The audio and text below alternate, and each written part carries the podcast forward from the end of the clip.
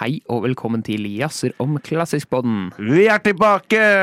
Yes, det er nytt år. Og vi har tenkt oss gjennom taket! Og så videre. Kjenner du den låta? Nei? Det er bønda ifra nord, vet du. Eh, Den norske eh, Vi er bønda ifra nord. Som eh, de lagde i landslaget lagde til EM 2000. Ja, dette sier meg ingenting. Nei, ikke sant? Nei, der, der ser du. Jeg var ikke fotballinteressert i år 2000. Nei, ikke sant? Det var jo jeg. Jeg var jo tre-fire. Det er jo faktisk eh, Jeg kom på den låta i stad. Det er um, Uh, Det er DumDum sin sang, faktisk. Men det visste ikke jeg. Men det er jo ikke DumDum altså, De kaller seg noe annet. De kaller seg Racer. Når de ga ut den låta, så kalte de seg Racer. Men det er DumDum. Oh, ja. Eh, sånn for å ikke gi ut det ekte navn? Ja, å sikkert. Pseudonym. Ja, ja. Ja. Jeg, jeg, det gir litt mening, faktisk. Jeg, jeg, jeg, tenkte på det samme, for jeg har vært og pusla på noen sånne si, poplåter som jeg vurderte å gi ut en gang. Ja. Og da ville jeg kalt Da ville jeg gitt ut de ikke under Anders Krøger, men et noe annet. Mm. Ikke fordi jeg skal være hemmelig, men bare fordi det er rart at man liksom både gir ut uh, klassisk musikk og popmusikk under samme navn, syns ja. jeg, da. Det kan bli forvirring. Mm. Men vi, hvis man vil høre mer om oss snakke om fotballmusikk, så har vi vært på en pod før. Ja, det verste er at det har vi. ja. Den, den poden heter Stang ut. Den heter Stang ut, og jeg husker ikke hva episoden vår heter. det. Syng for full hals, eller noe sånt. s- eh, Syng og vær glad. Syng og vær glad, heter den. ja. Episode 15. Å oh, ja, faen som du har kontroll på Ja, det. jeg tror det. Og så er det med navnene våre, så det skal være mulig å finne. Ja, ja. Men uh, det du hører på nå, er Jazzrom klassisk. Ja. Jeg heter Anders, Og jeg heter Eirik. eh, og da, dette er jo da introstikket. Ja, til radiosendingen som vi skal spille inn om eh, noen minutter. Mm. Hvordan går det med deg for tiden? Det går veldig bra. Ja. Jeg er klar for et nytt radioår, holdt jeg på å si. Ja, jeg gleder meg.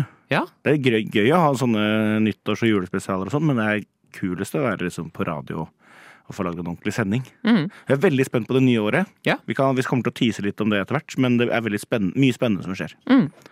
Eh, Jeg, I dag, eh, det er jo vinter og kaldt når vi spiller inn dette her. Mm, vinter og sne. Vinter og snø, Ja. og så videre. Ja. Fra til OL i 1952, 4, 6, ja. ja.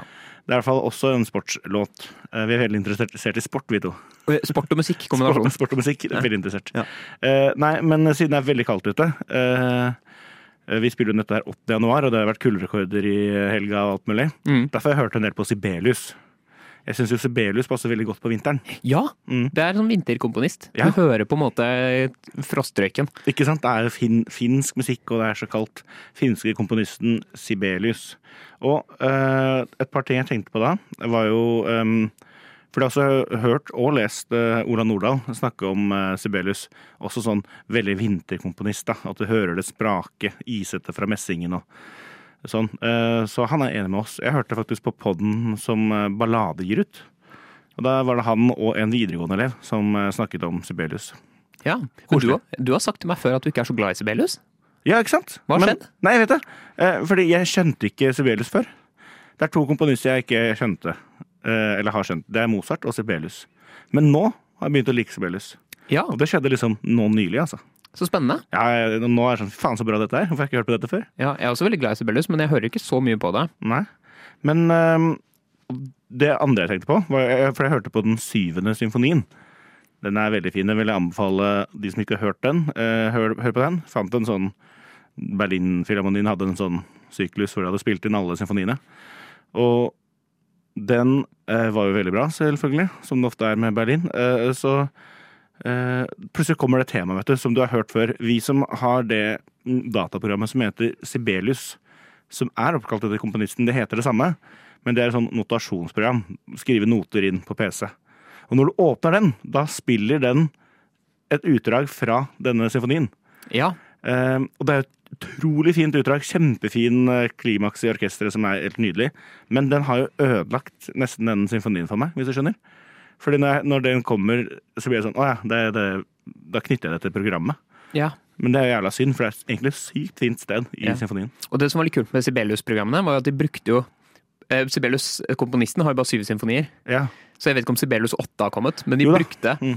Eh, symf eh, I eh, program fem så brukte de noe fra femte symfonien i sjette. ja, sant det. Så vi, det første vi hadde av Sibelius, var jo Sibelius 6.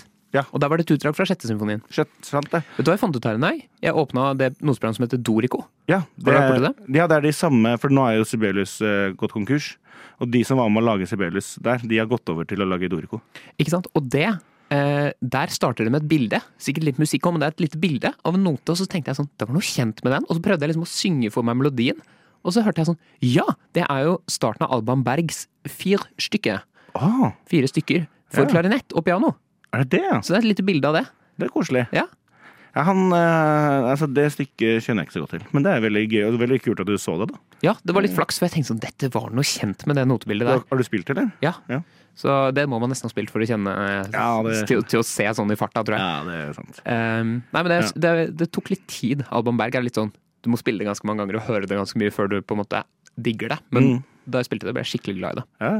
Men uh, noe annet som skjedde på veien, Ja, Uh, for det var jo som sagt kaldt og glatt. Jeg sklei på isen og dundra i bakken, Nei. som man gjør av og til.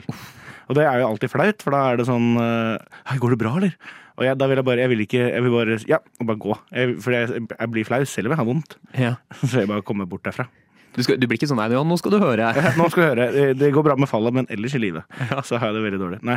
Og da kommer jeg til å tenke på sånn Fordi for eksempel jeg, jeg veier jo mer enn deg. Jeg er en større mann enn deg. Gjør det vondere for meg å falle? Fordi det er mer kilo? Mer tyngdekraft. Ja, Hvis jeg faller kontra en liten person på 50 kilo, vil da da Vil det være vondere for meg? Eh, kanskje. Ja. Hvis det er noen fysikere som hører på, så Vi vil gjerne ha svar på det. Så, vi gjerne svare på Så dette var det du tenkte på idet du falt? Eller etter Jeg du tenkte på det etterpå, ja. Ja. Mm. Nei, det har jeg aldri tenkt på. Nei, det, jeg har det nå. Det er litt vanskelig å måle. Vi kunne prøvd å falt ved siden av hverandre og sett hvem som var mest. Det hadde vært gøy. Vi to. Vi Ja. prøver etterpå. ja. Men nå begynner det å bli et ganske langt uh, introstikk, så kanskje vi skal si at sendingen, den kommer her. Jazzer om klassisk. Radio Nova. Hei og velkommen til Jazzer om klassisk. Hvordan går det, Anders? Hei, Anders heter jeg. Og du heter Eirik. Ja, stemmer. Eh, Det går veldig fint med meg. Eh, Veldig klar for ny sesong, eh, eller hva man kaller det for. Ja, det er nytt har- år. Nytt år. Vi har hatt vinterpause. Julepause heter det. Ja. Eh, Så nå er vi veldig klare med å sette i gang med Jazzer klassisk igjen. Ikke sant? Det er bra. Har det skjedd noe spesielt siden sist? Det har skjedd, altså, det har skjedd mye spesielt. Eh, Det jeg ville si, var jo at um, det er en fyr Jeg har nevnt han så vidt en gang før. Eh, Han heter, han, han heter Hans von Bulow. Litt sånn dirigentlegende fra 1800-tallet, som ikke så mange har hørt om. For han er fra 1800-tallet. Det var han som, da Maler viste fram andre symfonien til han, så sa Hans von Bulow dette er dritt, basically. Å ja, Han- han husker jeg. Ja, Han har bursdag i dag! Oi, gratulerer. Ha- Jeg gratulerer Hans von Bulow. Eh, Det er han som står bak han som står bak sitatet at eh, en tenor er ikke en mann, det er en sykdom. Eh, Ok, Så vet du det. det er jo litt av et sitat. Ja. Nei, men det er en annen ting jeg ville ta opp som egentlig er litt mer aktuelt. eh, Som er eh, Fikk du med deg at Gaute Helstrup gikk fra Tromsø til erkerivalen Bodø-Glimt? Ja, fotballtreneren i Tromsø. Ja, og det, altså, det er jo litt sånn eh, rivaler, eh, derbyaktige greier. Når du da liksom går fra sånn, den ene klubben til den- til den andre, så er det litt drama, da. Og da skal de høre med tromsøværinger hva, hva er reaksjonen her. Og da har de sendt en melding til Jørn Hoel. Popartisten eller visesangeren Jørn Hoel. Ja, og Tromsø-supporter. Og Tromsø-supporter. Og han svarer 'what the fuck?' med tre spørsmålstegn. Eh, og så skriver han greier. Og så sier han til slutten 'det er som om jeg skulle begynt på Den Norske Opera'. Og da lurer jeg på hva, hva mener han med det? Hva er, det altså, er han en slags rival til Den Norske Opera, eller er uh, Hva tenker du? Nei, det er et veldig rart uh, sitat. Veldig rart sitat. Jeg syns det var veldig morsomt. uh, fordi at Mange i Tromsø mener jo at, at Gaute Helstrup han gikk fra å være hovedtrener i Tromsø til å være assistenttrener. Ja, I det, det er det verste, egentlig. Ja, Så jeg vet ikke om Jørn Hoel tenker på operaen som et steg ned for han.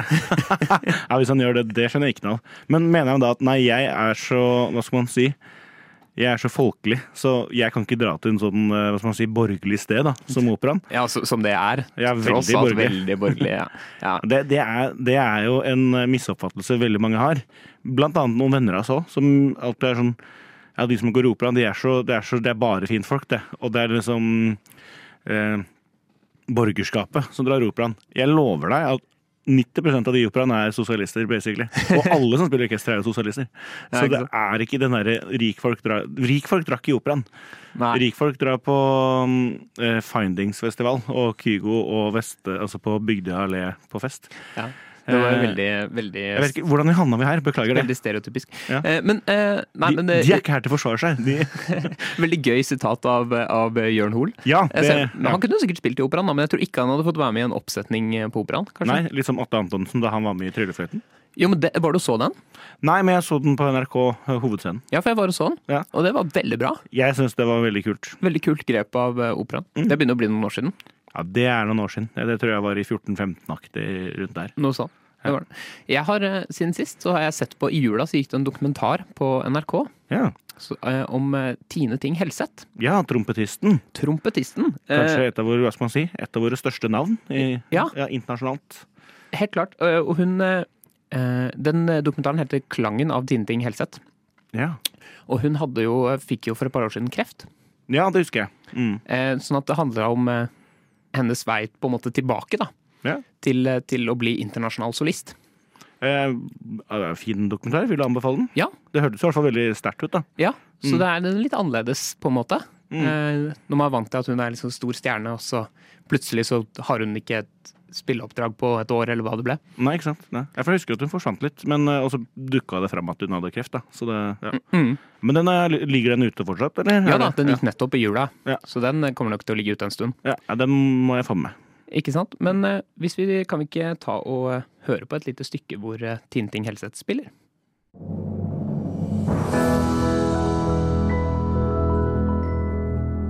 Ukens Forsato.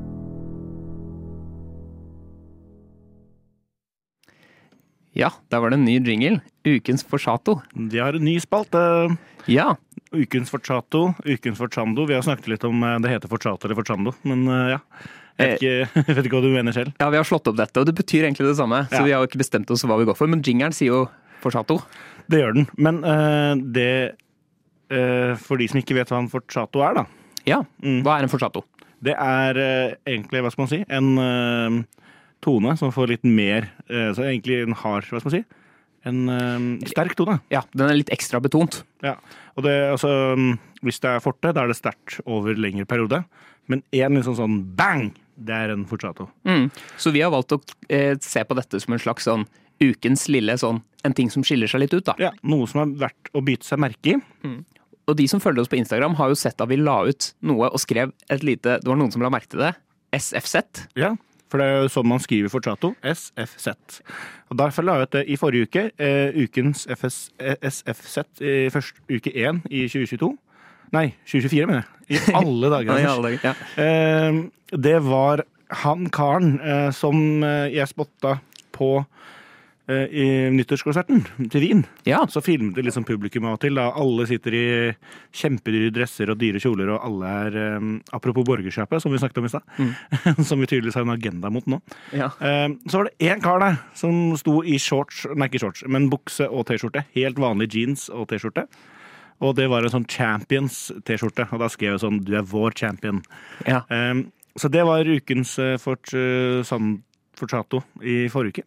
Dette må vi øve på å si det riktig. Ja, det må vi. Nei, men, men eh, Så han skilte seg ut, og han er jo da en eh, i Jazzrom klassisk-vennlig figur, fordi han eh, ikke pynter seg på konsert. Ja, og det, er, det er noen som har sagt sånn Det føles litt påtatt og merkelig at jeg er så veldig opptatt av at man ikke skal pynte seg. Mm. Det er nok et lite litt sånn eh, Ikke punkegen, men jeg har litt sånn Jeg syns det er gøy å være litt kontrær. Ja. Men det er noe poeng bak det, at det skal ikke være så veldig liksom eh, Man skal ikke føle at man må gjøre så mye for å dra på konsert. Bare dra på konsert. Mm. Om En av mine måter på å si fra på det er bare du trenger ikke å pynte deg. Bare dra rett fra jobb. Og Mm. Men hvem er Det var forrige uke. Det var forrige uke. Eller for to uker siden, da. Eh, blir det vel. Hvis vi sier ja, uke, ja. Ja, ja sånn sett, ja. ja. For det skjer jo som regel i uka Mm. før vi har sending. Det er sant. Men hvem er denne ukens eh, forsato? Det er eh, Ludvig Gudim, fiolinisten. Ja. Han har vunnet en pris. ja. Og hva, hva slags pris er det? Det var Equinors øh, klassiske musikkpris. Er det mm. det den heter offisielt, eller? Ja. Ja, Det er i hvert fall det det er. da. Et, eh, og da får du, eh, da vinner du prisen utvalgt av en jury, og så vinner du et stipend på én million kroner. Wow. Ja. Juryleder er Leif Ove Hansnes. Det er det, ja. Ja. Såpass. ja. Og han har vært nominert veldig mange ganger før, Mm. men aldri vunnet. Men i år så vant han denne prisen på, eller dette stipendet på 1 million kroner. Han er vel en sånn 24 år, kanskje? Ja. Ja. Eh, og han, eh, han har jo vært et kjent navn lenge. Han vant jo Virtuos på NRK. Ja, han har jeg hørt om kjempelenge. Fra han var liksom 14. Ja. Altså, ja. Han er, han er superstjerne, og han, eh, han kommer til å nå veldig veldig langt. Han har gjort det allerede. Mm. Han kommer til å nå enda lenger. Men noen tidligere vinnere. August Schjelderup på tuba. ja, han ja, husker jeg vant. Johan Dalene på fiolin. Mhm. Og Sandra Lid Haga på cello. Ja, sant det. Ikke sant? Det er, det er noen navn der som etter hvert har eh, blitt store kjente, eller kommer til å bli det snart. Mm. Eh, men eh, da fikk, fikk meg til å tenke, hva bruker du én million kroner på da, når, når du vinner det som en 24-åring? Ja. Eh, og, og vi sendte, vi tenkte sånn, dette lurte vi så mye på, at vi sendte melding til Ludvig Gudim på Instagram. Ja, han har ikke sett den, eh, derfor ikke svart. Jeg tror jeg havnet i en sånn, vet, når du sender så kommer det sånn forespørsel, spørsel, Ja. uh, greie, Uh, og det, det gjorde jeg, og, eller det regner jeg med at jeg har gjort da. Så han har ikke svart på den. Ja. Men vi kan jo spekulere da, hva ville hva ville du brukt en million kroner til hvis du vant da? Nå? Ja, fordi at han har jo sikkert så dyr fiolin, og fin fiolin, at han kan ikke kjøpe seg, for en million holder jo ikke i nærheten til eh, en fiolin Nei, på hans sant. standard. En million er mye, men de, de liksom strykeinstrumentene som de beste bruker, de er jo liksom eid av veldig rike folk. Så de koster gjerne mer enn en million, i hvert fall. Ja, hva får man for en million om dagen? Nei, det, folk får ikke en leilighet, i hvert fall. Nei, men får du, får du en, for eksempel en bue? Ja, det får du. Det, du får en bue. Ja, men det kan jo hende at han har en fin bue fra før, da. Ja. Jeg lurer på, hva ville jeg brukt en million kroner til, da? Sånn 70 tur-retur til Granca, eller noe sånt. Bare dratt syv ganger. Nei, jeg vet helt det. Eh, Hva tenker du? Hva ville du brukt en million kroner til hvis du vant det nå? Jeg ville kjøpt meg bassklarinett. Ja. Så det kan vi anbefale Ludvig, da. Kjøp deg bassklarinett. Ludvig, hvis du hører på, vi vet du hører på. Ja. Eh, Kjøp deg en bassklarinett. Ja, hvorfor ikke? Eh, har du noe forslag? Nei, ikke utenom 70 tur-retur-billetter til Granca, altså. Da har jeg ikke så mye. Jeg regner jo på en måte med at det kommer At han bruker sikkert noe av det til noe, men at han eh, Han må jo leve òg. Nå har han jo ordentlig tid til å faktisk ikke måtte ta på seg oppdrag hele tiden, men virkelig øve. Ja. Eh, hvis du skjønner? Er det, er det noe i statuttene holdt jeg på å si, hva man må bruke pengene på? Ja, det er kanskje det. Begrensninger? Kanskje han bu- vil bruke det på å gi ut et uh, album? Ja, det sa han. Han hadde et lite intervju Mm. eh, som Equinor la ut. Og for det første er veldig søt. Veldig artig kar. Eh, veldig sånn fnisete. Så det veldig gøy å se på. Så det var veldig bra intervju. Det anbefaler jeg dere å se hvis dere finner det. Men eh, han sier der at han eh, nå vil han bruke det på å turnere rundt og gi ut plate og ja. Mm. Mm. Ja, men det høres ut som en, eh, som en god bruk av pengene. Mm. Du hører på Jazzer om klassisk. Mandager mellom seks og sju på Radio Nova. Det var Dies Ire fra Verdis Requiem.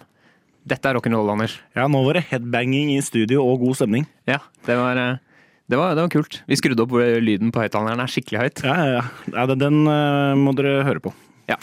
Eh, Egentlig hele Verdis Requiem. mm, Jeg husker eh, da vi var, vi var på klassetur eh, med videregående i Praha. mm, Det er sikkert ti år siden. Det er ti år siden. Er det ti år siden? Mm. Ja, det kan det var i 2014. Ja. Mm. Så da var vi og så denne. Og jeg husker du gjorde så inntrykk på alle den Gran Cassa. Ja.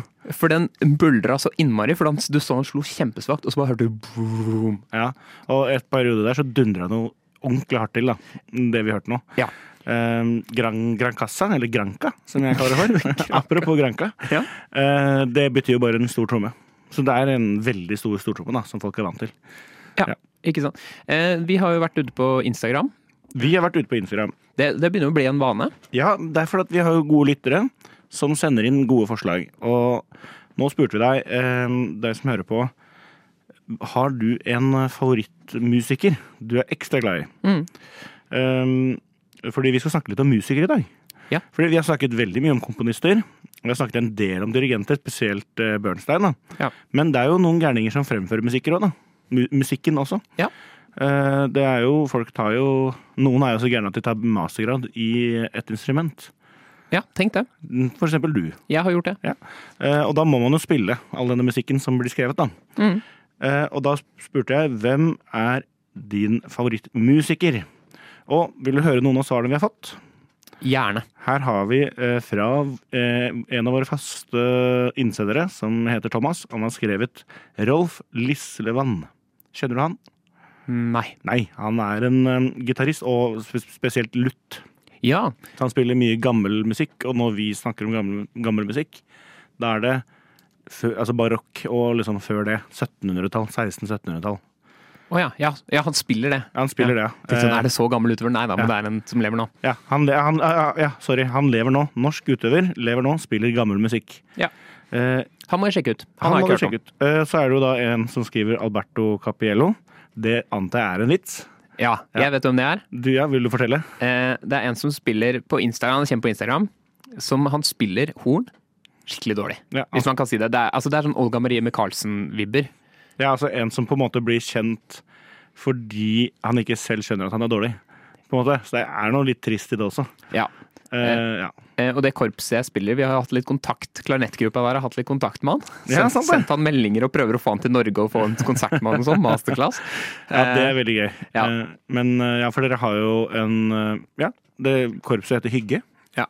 Dere har vel en Instagram òg, som er ganske morsom å følge med på. Ja. Så, ja. Men vi sender i hvert fall han meldinger, og Ja. han eh, ja. det er sånn dere holder på med. ja. Ja. Eh, Og så er det en her som jeg syns var veldig interessant. Eh, Nicolas Alt... Oi, nå stopper det. Nicolas Altstedt. Oi, har jeg ikke hørt om. Altstaet. Jeg tror det uttales Altstedt. Mm.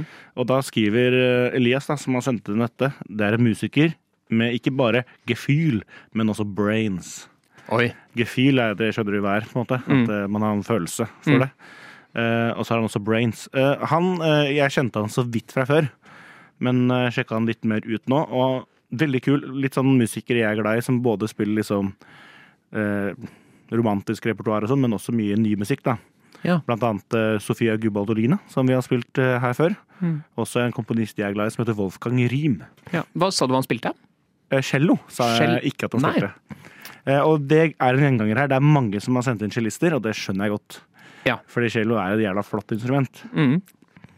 Eh, har du hørt om Glenn Gold? ja, han har jeg hørt om. Du har hørt om Glenn Gold. Det er mange som har hørt om han.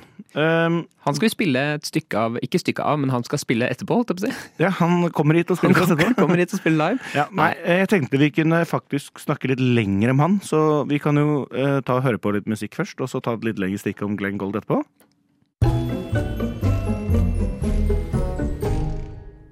Det var Brahms sin klarinettkvintett, tredje sats. Og det var spilt av eh, kanskje min favorittutøver, Ja, hvem er det? Hans Christian Brein. Han har jeg hørt om mye gjennom deg, men også bare fordi han er et veldig kjent navn, da. Ja, eh, det er jo selvfølgelig flere som spiller her, men eh, klarinettisten var Hans Christian Brein. Mm. Eh, og han er, var lærer på Musikkhøgskolen, Mm. professor, og spilte i Filharmonien. Ja. Og er, jeg syns han er Norges beste klarinettist. Er han eh, holdt på å si fortsatt levende? Nålevende fyr? Ja, Mm. han spiller ikke like mye.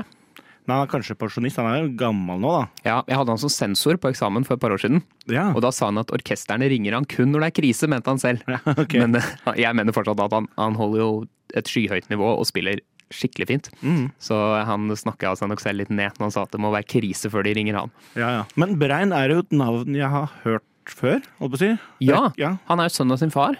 Ja han også, ja. Eh, Han og faren hans eh, heter Edvard Fliflet Brein. ja jeg syns det mellomnavnet henger meg alltid opp i. Er det, er det fliflet? Er det filet? Altså, jeg tenker alltid Ja. Filet, ja.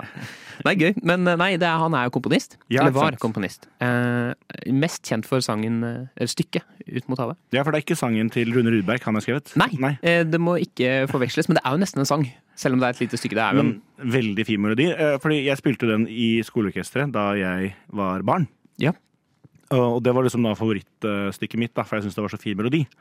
veldig fin melodi. Eh, og det var noe veldig poetisk i at um, um, jeg spilte det liksom på et av mine første konserter da jeg gikk i skoleorkesteret. Og jeg spilte den også på min siste konsert da jeg var ferdig i orkester. Så det syns jeg var litt vakkert. Ikke sant? Men vi er ikke her for å snakke om uh, Fiflet Brein. Vi er her for å snakke om flere utøvere. Ja. Eh, og da, Vi nevnte jo rett før vi gikk til låt her, at uh, Glenn Gold, pianisten Mm. eh, Hva er ditt forhold til Glenn Gold? Når jeg tenker på han, så tenker jeg på en veldig liten pianokrakk. Ja, for det er noe med den pianokrakken hans. Eh, Ja, den er, er det ikke bare at han hadde en sånn egen stol som var kjempelav? Ja, fordi de fleste mm, altså, si, konsertpianister, de som turnerer rundt og spiller piano, de bare møter opp, og så har jo de Hva skal man si eh, Konsertscenen har jo orda et piano og en pianokrakk. Og så justerer man den ut fra hvor høy man er, da, med de skruene på siden. Mm. Men han hadde alltid med seg sin egen pianokrakk. Ja. Fordi han var veldig opptatt av det- detaljer, da. Mm. Og den var veldig lav. Veldig lav, så vidt jeg skjønner. Han var jo ganske høy, da. Mm. Eh, men eh, fortsatt veldig lav. Ja. Eh, og han er jo litt sånn eh, diskutert da, i det klassiske miljøet. Fordi han er litt sånn jazzy eh, på måten han eh, spiller. Og det er mange som ikke er så fan. Jeg er ganske fan. Litt fordi han bare tør å gjøre noe annerledes. Og det han gjør, er at han eksempel når han spiller Bach um, eh, preluder og fuger og sånn, så nynner han med, sånn som jazzpianister gjør. da. Over da, mens han spiller. Så han har sånn touch som ikke andre har. Eh, og jeg syns det er kult at noen tør å være litt annerledes i vårt miljø, da. Mm. Det er noe med det, og jeg, Interpretasjonen hans er jo litt sånn Jeg hørte på litt i stad, jeg skulle finne fram et stykke vi skal høre på. Det kommer litt senere. Eh, og det er veldig sånn Oi, gjør han det sånn? Det er veldig, Men når man så, hørte jeg på det noen ganger, og så tenkte jeg sånn Ja, når jeg venter meg til det, så blir man på en måte på å si vant til det. Man tåler at Oi, sånn gjør ikke alle det. Det går mye saktere. Og noen noter er kortere, og noen noter er lengre enn vanlig. Jeg syns det er veldig kult når musikere tør å se på verket, og så må de finne ut hva vil jeg hente ut her. På en måte, fordi jeg hørte en annen podkast tidligere i uka, eller forrige uke, da, siden det er mandag i dag, eh, av vår hva skal man si, vennepodkast som heter Musikknerdene. Eller Musikknerdpodden, tror jeg den heter. Ja. Uh, og da hadde de besøk av eh, Morten Karlsen, og de snakket om ja, det, å altså det, det å fremføre musikk. da. Og da snakker Morten Karlsen om at du må ikke bare spille det som står, men du må også finne liksom ut hva du vil utheve. Og mye sånt da. Og, og det syns ofte, i hvert fall med pianister, da, at de, kan, de har så mange fingre å spille på. Ja. At uh, de kan um, hente ut kanskje ikke alltid meloditonen, men mellomtonene. Kanskje er det en mellommelodi der de henter fram. Ja. Og det syns jeg alltid er veldig spennende, de musikerne som får til det ordentlig fint. Mm. Og det syns jeg Glenn Gold også fikk til, da. Ja. Eh, er det noen flere utøvere som er nevnt? Det er flere utøvere som er nevnt um, av ulike årsaker, holdt jeg på å si. En um, som er veldig kul, er en som heter Sabine Meyer. Ja. Uh, spiller jo klarinett, sånn som deg. Det er mange klarinettister som ble nevnt. Det er veldig mange klarinettister som ble nevnt her, men vi har overraskende mange klarinettistlyttere, altså. Ja. Men ja, Sabine Meyer er jo, er jo veldig kul. Eh, Og hun ble jo kjent litt fordi hun er første kvinnelige ansatte i Berlinfilharmonien. generelt eller på klarinett? Eh, generelt. Oi. Ja, ja. Og det er såpass seint som i 1982. Vi snakket jo om på nyttårsspesialen om at uh, Wien-filharmonien ansatte sin første kvinne i 1997. Men Berlin-filharmonien var litt tidligere, da. Og de 15 år tidligere og ansatte sin første kvinne i 1982. Ja. Og da var det legendariske dirigent uh, Karajan som sa han, nei, hun må vi ha, for hun er den beste. Og store deler av orkesteret var kjempeforbanna. Det var flere som uh, truet med å gå til streik. Fordi vi skal ikke ha en kvinne i dette orkesteret, var det de mente, da. Oi. Eh, og da, Jeg husker ikke helt historien, men det var på en måte sånn at eh, Karan nesten sa at enten så blir hun ansatt, eller så stikker jeg. på en måte. Det var ganske, Han jobba veldig hardt for at eh, de skulle ta inn henne. Ikke sant. Ja, eh, men eh, hun er en, en sånn Jeg som har spilt, spilt klarinett, er sånn Hvis man skal høre en innspilling, så er hun en sånn go to. Det er sånn, For da det- veit at det er bra. Ja, det er sånn trygt. Hvis du bare skal finne en rask innspilling, så Sabine Meyer, yes, den, eh, den funker sikkert. Fordi det, Hun jobba bare i Berlinfilharmonien i ni måneder.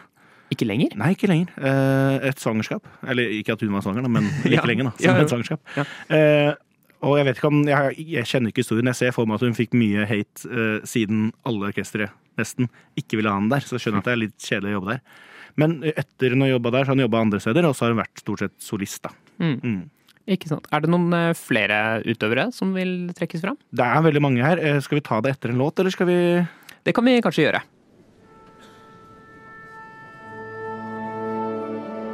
Jeg heter Eirik, Jeg heter Anders. og vi jazzer om klassisk.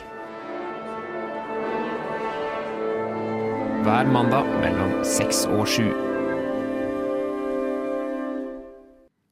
Var tredje sats av Edvard Elgars cellokonsert. Ja. Eh, og den eh, var spilt av en utøver som har blitt nevnt. Den ble spilt av eh, Jacqueline Dupré. Ja. Hun er jo eh, en cellist som har betydd mye for meg opp igjennom. Og veldig, liksom, egentlig for veldig mange cellister har henne veldig høyt som en utøver de er veldig glad i. Eh, og grunnen til det, eller grunnen til det er at hun er kjempeflink. Hun var jo megastjerne fra Oxford i England, tror jeg. I hvert fall i nærheten av Oxford, for jeg har vært mm. utafor hjemmet hennes. Oi. Eh, og eh, hun døde jo veldig tidlig. Hun fikk en eh, sykdom. Jeg husker ikke helt, men det er en form for revmatisme. Som liksom alle leddene Hun kunne ikke spille cello de siste ti årene av livet sitt og satt i rullestol. Og døde tidlig, da. Hm. Så det var veldig synd, for hun var jo en av de beste utøverne, utøverne vi hadde. Ikke Liksom, sant? uansett instrument. Mm. Og var med på å gjøre den El Elga Cello-konsert til en veldig kjent konsert. Mm. Hun har mye av æren for det. da. Ja, for det er jo en av de mest kjente cellokonsertene. Det er jo det. Mm. Mm. Og veldig kul. Hør på den, det, dere som ikke fikk høre det etter live nå. Mm. Eh, det er mange navn som har blitt nevnt. Vi får ikke nevnt alle, det beklager vi. Jeg tenkte å gå litt kjapt gjennom nå på andre navn eh, som er nevnt her. Eh, Tore Augestad er det noen som eh, trekker fram som sin favorittmusiker. Mm. Norsk eh, sopran. Norsk sopran. Og så er det en her som sier Lille, Lillebjørn Nilsen. Det er jo selvfølgelig veldig godt sagt. Jeg er veldig enig. Vi er veldig enige, vi er begge glad i han. Mm. Eh, og så er det Lise Davidsen, blir selvsagt eh, nevnt. Selvfølgelig. Hun er jo på en måte et av, altså, Den personen som skriver det, da, sier Lise Davidsen og eventuelt andre norske internasjonale stjerner. Og for dere som ikke er så investert i eh, klassisk musikk fra før, det er veldig mye navn som blir kastet ut her nå, så jeg håper dere henger med. Det er ikke så viktig at dere kan alle navnene, det er mest historiene vi er opptatt av, da. Men her er det en som svarer, Ola Nordahl, som jeg nevnte så vidt i stad. Han er jo eh, eh, musikkritiker og jobber i Ballade. Han skriver eh, det er veldig mange, altså på svaret hvem er, 'Hvem er din favorittmusiker?' så svarer han det er veldig mange. De er litt som med øl, jf. ordtaket 'Den beste ølen er den jeg har i hånda akkurat nå'. Så jeg, jeg, er, litt, jeg er litt enig i det, fordi ofte når jeg skal høre på en innspilling, så er det så, det er, det er så sjukt mye å høre på. Sånn, Mm. Jeg tar den. Litt sånn Sabine Maier, bare jeg velger den jeg har hørt, på en måte. Mm. Og den jeg hører på nå, den er bra. Ja. Stort sett, da. Jeg, er mer, jeg liker alltid å, å velge de nyeste innspillingene. Men du, er, eh, men du er jo generelt mer opptatt av å finne en god innspilling før du hører på Nei. Jeg er litt ment til å bare sette på, jeg, og så tar jeg det etterpå. si. Ja. Eh, Det handler jo litt om sånn Med nye innspillinger så liker jeg i hvert fall innspillinger som er etter 2000. Fordi, eller kanskje etter 1990, da. Eh, eh, Så er det eh, kvaliteten, innspillingskvaliteten, er ofte litt dårligere. Ja, så på de før. ja. Gamle. Mm. Ja, så nye innspillinger har jo litt bedre kvalitet, rett og slett. Eh, og, og altså, musikere utvikler seg, og som jeg har jo på en måte er jo utøver, og syns at det er viktig å få med seg Skjønne litt hva som skjer. Mm. At man Det er trender innenfor klassisk musikk også, at man henger litt med på det. At man følger med på hva folk, Mm. de, de store nå, faktisk gjør. Det er sant. Det, det eneste jeg syns er litt synd, da Fordi før, eh, liksom eh, si på 60-70-tallet, da, så var jo det var, Alt ble jo spilt inn og gitt ut og sånn, men det var ikke den samme streamingkulturen. Og da følte jeg mm, oftere kanskje, for min teori, da, at eh, musikere hadde mer sin egen stil. Nå er det sånn alt streames, og du kan høre absolutt all, hvem som helst bare et tasteklikk unna. Og da er det sånn, jeg vil høre ut som den beste. Jeg føler det, er mer den trenden nå, da. Mm. Selv om det er alle mange musikere med personlighet, altså. Det er ikke Mm. det. Ja. Men eh, det er en her som vi må snakke om, Erik. Ja. Eh, fordi noen her har sagt eh, som sin favorittmusiker Andreas Ottensammer. Eh, og jeg kan kanskje ta bakgrunnen før du kommer inn, for jeg tenker vi skal ha en liten debatt her. Eh, Andreas Ottensammer han er, eller har i hvert fall inntil nylig vært eh, soloklarinettist i Berlinfilharmonien. Av mange anerkjent som verdens beste orkester. Og er også modell. Eh, og er veldig kjekk. eh, har sixpack. Så det er både modell og veldig flink klarinettist. Og alle jeg snakker med nesten, er sånn 'Å, Andreas Ottensammer er dritbra'. Jeg elsker Andreas Ottensammer. Helt til jeg snakket med deg. For hva mener du om Andreas Ottensammer? ja, nei, jeg syns uh, Andreas Ottensammer ikke er den beste klantisten i verden. Nei, Ehm, eh, han tåler det. Han tåler å høre litt kritikk av meg. Jeg tror ikke han bryr seg så veldig mye om hva jeg syns. nei, for du er ikke så fan, rett og slett? Nei, jeg synes, For det første så har han jo fått utdelt et instrument som ikke fungerer så bra. Uh, for, fordi at eh, han, eh, han spiller på det tyske klarinettsystemet. Ja, for det er, er det forskjell på tysk klarinett og annen klarinett? Ja, Det franske systemet, som vi spiller på i basically hele verden, bortsett fra Tyskland og Østerrike, er mye bedre. Er Det er bedre, det er det jeg spiller på. Hadde jeg fått utdelt en tysk klarinett, så ville ikke jeg klart å spille på den. Det er såpass, ja. Det er såpass forskjellig. Ja, Man kunne nok lært seg det, men det er nye grep og annerledes munnstilling og sånn, og den, den er, ja, de er ikke like gode. Nei, ikke sant? Så det er jo det første, da. Men jeg syns ikke han spiller veldig bra. Jeg syns det blir veldig anstrengt. Eh, det virker som at han syns det er tungt å spille klarinett. Ok, Eh, og nå, er jeg veldig hard mot eh, Andreas, så beklager det. Men han har verdens mest prestisjefylte klarinettjobb. Mm. Så eh, Da er det lov å kritisere, syns jeg. Litt kritikk må sparker, han tåle. du sparker ikke nedover, akkurat. på ingen måte. Og så er han jo flink modell òg, da. Ser veldig pen ut og Han spiller veldig mye tennis på Instagram. Han gjør det? Ja, og ja, han, eh, han ser ut som en superstjerne på Instagram. Ja, ja. Men nå er det jo litt rykter Dette er rykter, så det vet jeg ikke. Så dette kan vi ikke liksom Dette er ikke Andreas Ottensammer sin informasjon, men han er jo ikke noe aktiv klientist lenger. Han har ikke spilt i Berlinfilharmonien på lenge, han har ikke spilt solokonserter på lenge. Han er først og fremst dirigent nå. Ja. Og ryktene sier at han har en eller annen skade eh, i hånda som gjør at han ikke kan spille lenger. Mm. Uh, så vet dere det. I hvert fall søk opp Andreas Otensamer på uh, Google hvis dere vil se en pen mann som spiller klarinett. Nå, Anders, kommer Glenn Gould. Ja! Hør etter det, dere som hører på radio. Hør etter det som er Her kommer det sånn annenhver gang. Korte noter i melodien og lange noter. Det er eh, litt spesielt, men eh, prøv å høre etter det. Nå er ikke jeg bassist, men hvordan forhindrer du at fiolinen din blir stjålet? Putt den i bratsjkasse!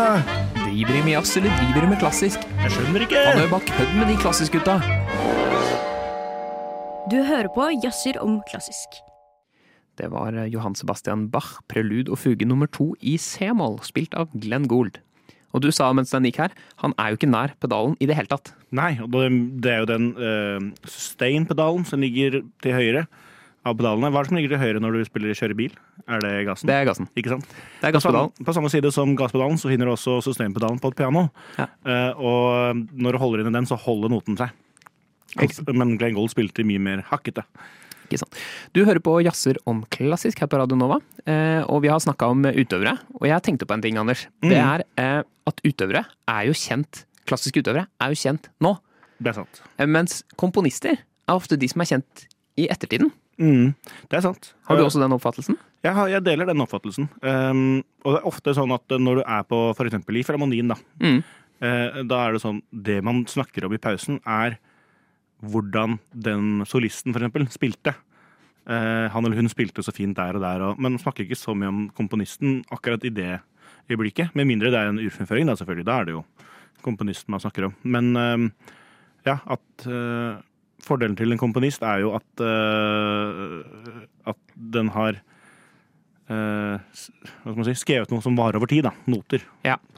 Men sånn som nå, som man kan dokumentere utøverne i større grad gjennom eh, CD-innspilling, eller CD, det heter jo ikke det lenger, men innspillinger, eh, eh, så er det kanskje for ettertiden at, at, man, at det er lettere å huske de utøverne. Da. Mm. Og det skjer jo med 1900-tallet, at man har video for eksempel av utøvere. Ja, ja, så nå har vi mange døde uh, musikere som er veldig kjente. Mm. Men jeg tenkte på apropos det, for eksempel Clara Schumann var jo den desidert kjenteste av hva skal man si, ekteparet Schumann. Fordi Robert Schumann var litt sånn ja, greit kjent komponist, som ikke var en flink utøver, mens eh, Clara Schumann var den, den beste, kjenteste, mest kjente, mener jeg, eh, pianisten eh, i sin tid. Eh, Men i ettertiden eh, har jo han blitt eh, mye kjentere. Det kan ha noe, hva skal man si, kjønns... Eller ikke kan. Det er jo selvfølgelig noen kjønnsgrunner til dette her også. Hadde Klara Schumann fått lov til å komponere så mye som hun ville, så hadde hun vært eh, minst like kjent som hen- hennes mann. Ikke sant? Ja. Men vi skal høre et stykke av en, av en veldig kjent utøver nå, som heter Martha Ardridge. Du hører på Jazzer om klassisk. Det var tredje sats av eh, pianokonsert i G-dur av Maurice Ravel. Eh, her spilte han Martha, Martha Ardridge.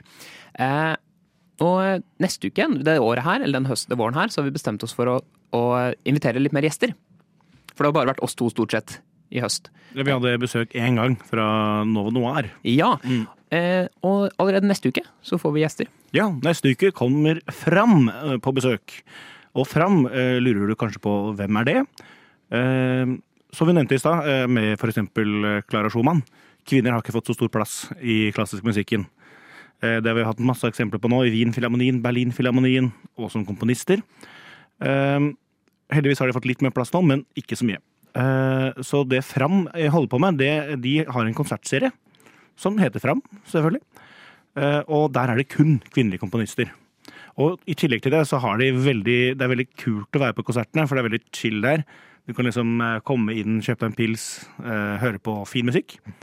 Og så har du selvfølgelig da Det viktigste er at det, her er det kun kvinnelige komponister. Og de, for eksempel på nettsiden så skriver de at i 2019 så var 95% av all musikk som ble spilt på norske scener, skrevet av menn.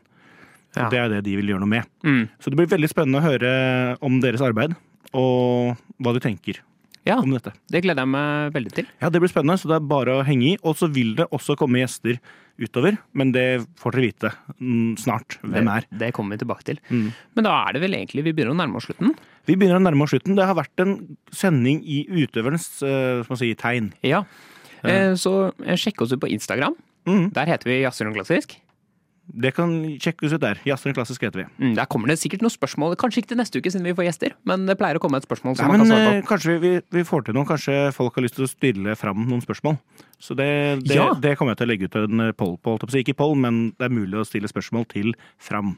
Ikke sant? Og så, er det, så hører man oss som podkast på der man hører podkast. Det kan dere bare gjøre. Og der er det også eksklusivt eh, innhold. Eh, tusen takk til dere som har hørt på. Det er veldig Og kult. takk til deg, Erik, som har vært tekniker i dag. Du Yes. er jo Det gikk bra i dag. både tekniker og programleder, så du gjør mye. Ikke sant? Etter oss kommer bra trommis, så da er det bare å si ha det bra. Koda! Koda Vi er hjemme alene. Koda. i det lille, rare studio. Nå er vi Kodan. Kodan. Kodan. Koda? Kun på podkast. Yes, da er vi Kodan, Anders. Hei, velkommen til Kodan. Det blir ikke noe Koda i dag. Nei, vi har litt tekniske problemer nå. Vi har ikke det. Radionova har det. ja, Det er litt utenfor vår kontroll, så derfor får vi ikke spilt inn en ordentlig koda for deg. Nei, vi, vi står og spiller inn på mobilen min. Det blir sikkert OK lyd, men vi gidder ikke å prate veldig lenge. Nei, eh, Så det må vi bare beklage mye. Eh, det, koda er jo noe av det morsomste vi gjør.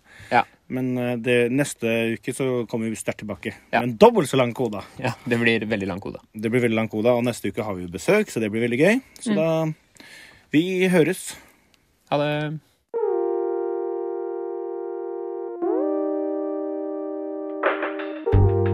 Du har hørt på en Radio Nova-podkast. Finn flere podkaster på radionova.no eller på din foretrukne podkasttjeneste.